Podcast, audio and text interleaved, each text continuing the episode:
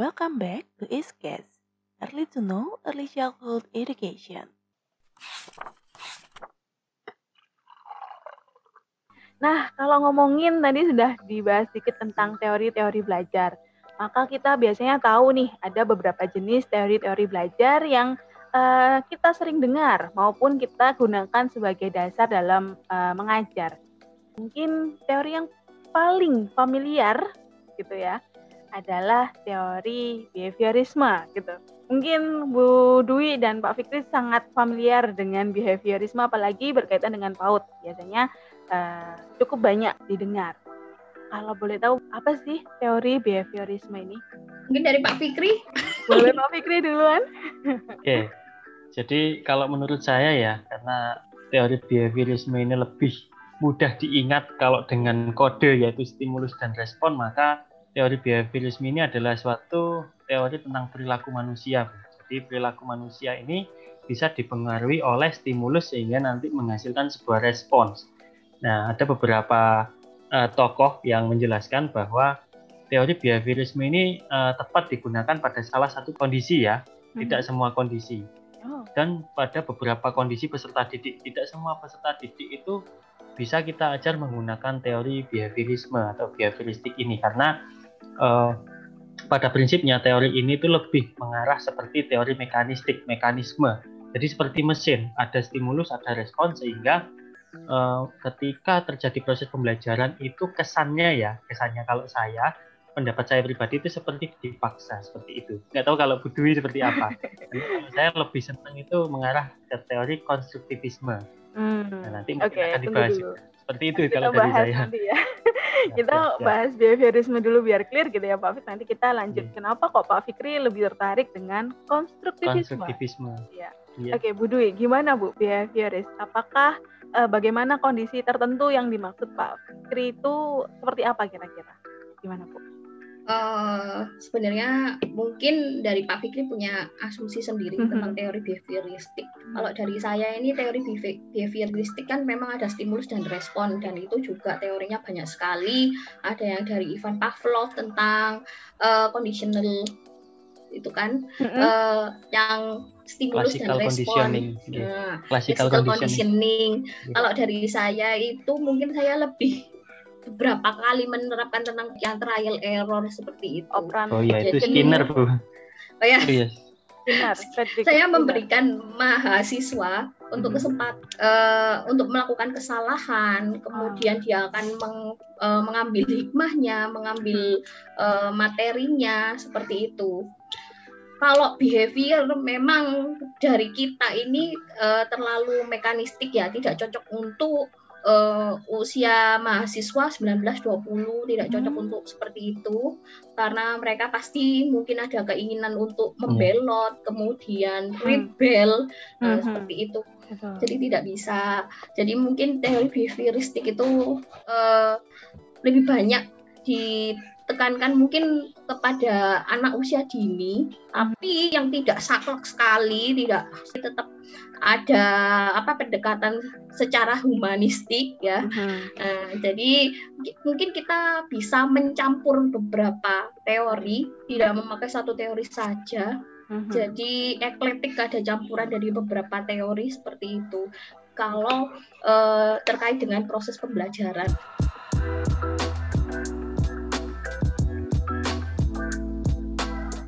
Welcome back to ISCAS, Early to Know Early Childhood Education.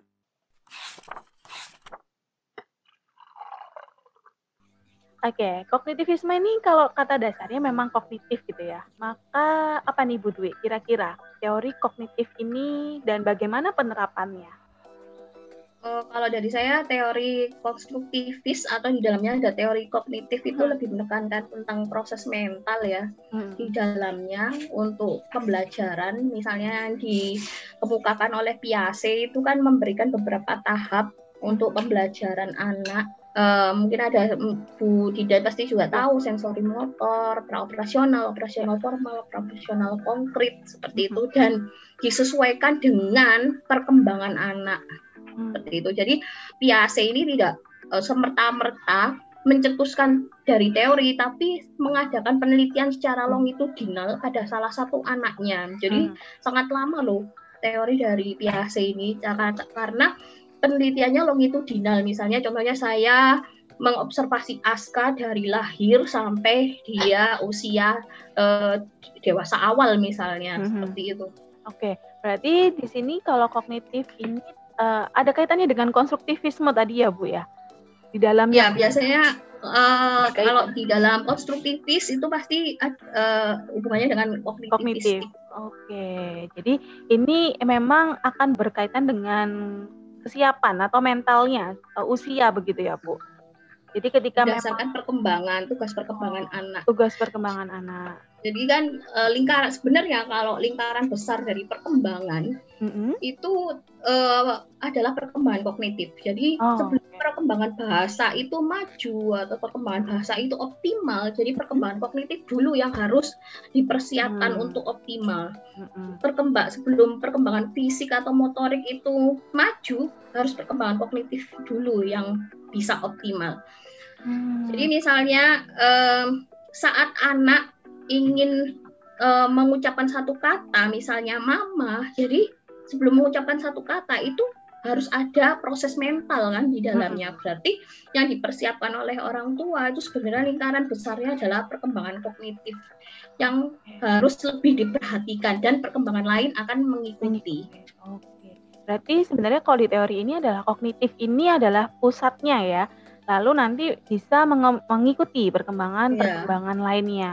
Ya, lingkaran bahasa. besar dari perkembangan adalah perkembangan kognitif hmm. sebenarnya. Maka dari itu kan uh, sebenarnya itu kalau ditarik masalahnya itu sebenarnya sangat dalam. Misalnya tidak hanya usia nol, tapi saat usia konsepsi, saat anak itu uh, dibentuk, saat ada pertemuan sperma dan ovum. Jadi, Dari situ ya Bu ya? Iya, perkembangan kognitif itu seharusnya dari situ seperti itu. Misalnya genetik dari ayah. Uh, orang tuanya, ayahnya seperti apa, genetik dari ibunya seperti apa. Nah, seharusnya itu ada pembahasan di situ yang uh, sebenarnya perkembangan itu ya hanya dimulai dari um, umur nol, tapi saat konsepsi itu yang sangat penting.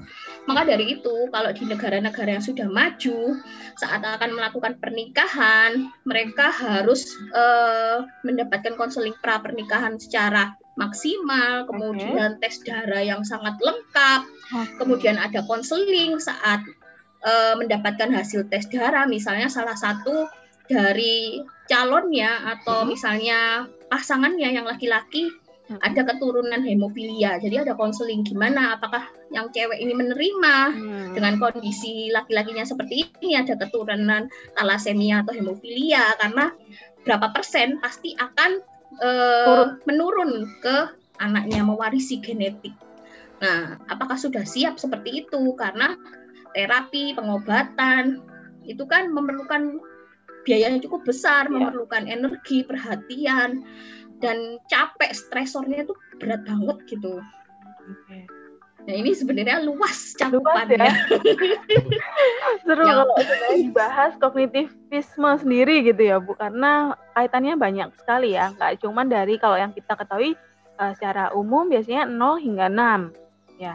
Tapi ternyata ada yang lebih penting yaitu dari awal ini ya. seru nih akhirnya ke pranika dan sebagainya. Jangan-jangan nanti kalau uh, menurut perkembangan gitu perlu tes TPA dulu sebelum nikah.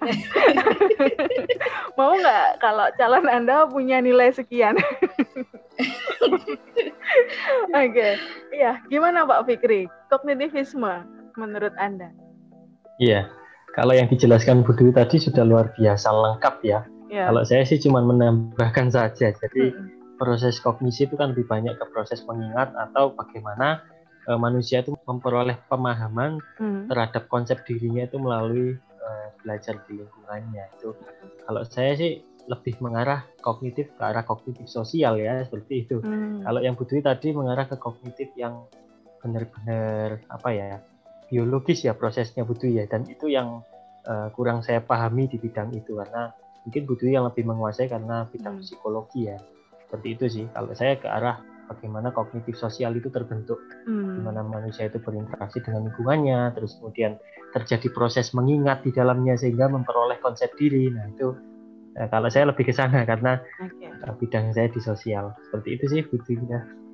Okay. Ya, kalau misalnya kita fokus saja tentang, tentang teori belajar secara kognitif atau konstruktivisme, ini mungkin bisa diambil teorinya Piaget seperti itu. Hmm. Mungkin eh, yang tadi saya jelaskan mungkin sebagai tambahan hmm. tambahan dari materi ini te teori belajar hmm. kognitif. Jadi kita tidak hanya melihat eh, tahapan atau fase-fasenya saja, tapi melihat sebelumnya masa-masa sebelumnya masa konsepsi juga hmm. harus diperhatikan seperti itu. Mungkin itu sebagai tambahan saja okay. uh, eh, untuk fokusnya mungkin teori dari Piaget seperti itu.